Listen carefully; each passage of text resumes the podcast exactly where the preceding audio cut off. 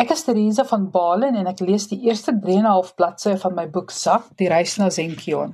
Mitch Wilson beklei teen die vaak. Dit voel of hy al dae lank wakker is. En dalk is hy. Watter dag is dit? Is hy regtig wakker of is dit net 'n droom? Alles voel so surrealisties. Hoe is dit moontlik dat hy in 'n alien spaceship kan wees? 'n Astrotuig, soos die aliens dit noem.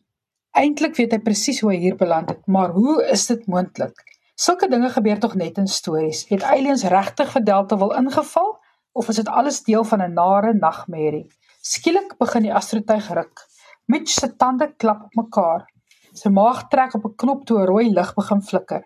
Selfs op 'n alien spaceship beteken rooi gevaar, het hy al agtergekom. Iets groots is fout. Hy voel skielik baie vreemd, gewigloos, asof hy deur water omring word. Sy brein doof sy sintuie uit. Net sy oë werk nog behoorlik. Of werk hulle werklik? Alles gebeur dan in stadige aksie. Hy sien die rooi flits, flits, flits van die lig wat nie wil ophou nie. Hy sien wenkbroue wat lig en monde wat oop en toe gaan, maar hy hoor nie eintlik die bekommerlike stemme wat by die gesigsuitdrukkings pas nie. Hy sien lywe wat in die lug opstyg soos heliumballonne, hande wat gryp en probeer keer. Hy sien oë vol vrees. Sy blik gaan van die een gesig na die volgende. Lionel, Imke, Akai, Petri, Tanu, Dainu. Sy oë steek vas by Lionel. Lionel Afrika met sy kort donker hare en donker oë is sy beste vriend al van voorgraad 1 af. Lionel druk sy bril wat dreig om weg te sweef stywer teen sy neus vas.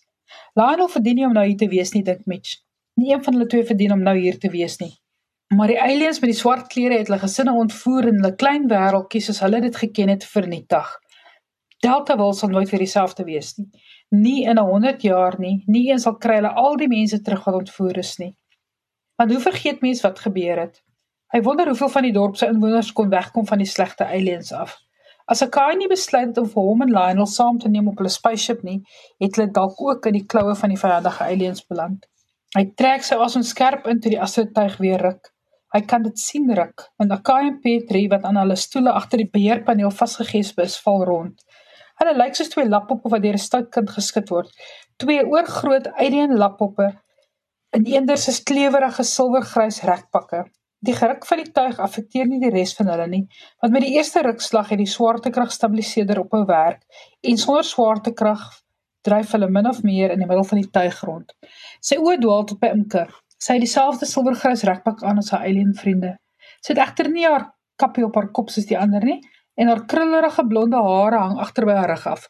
Sy lyk benoud en strek haar arm uit na hom, maar hulle is te ver uit mekaar om kontak te maak. En maak nie saak hoe hy probeer nie, hy kan nie deur die lug swem soos deur water nie.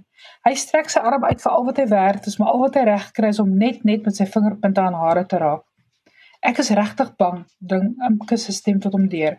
Dis asof iemand die volume harder gedraai het want nou hoor hy alles. Hy het lus en druk sy vingers in sy ore. Hy wil nie na die vreemde skril geluide luister wat die astrotuig maak nie. Hy wil nie hoor dat hulle iets gaan oorkom nie. Hy en Lionel het nie die aliens met die swart klere oorleef net om saam met die goeie ouens iewers ligjare van die aarde af te verongeluk nie. Iets drasties is fout met die tuig, hoor hy Petri sê. Ek het nou al alles probeer. Ons sal iewers moet land om die skade te bepaal. Ons is nie naby enige planete nie, sê Akai. Wat stel jy voor dat ons op 'n kosmorots land? Mitch frons en wonder vir 'n oomblik wat 'n kosmorots is. Bedoel jy 'n asteroïde? vra Lionel. Met sy oë draai na die monitors wat hulle in staat stel om buite die astrotuig te sien.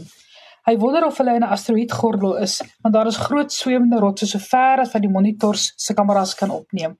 Natuurlik is 'n kosmorots en asteroïde en natuurlik sal Lionel dit dadelik besef, dink Mitch gefrustreerd.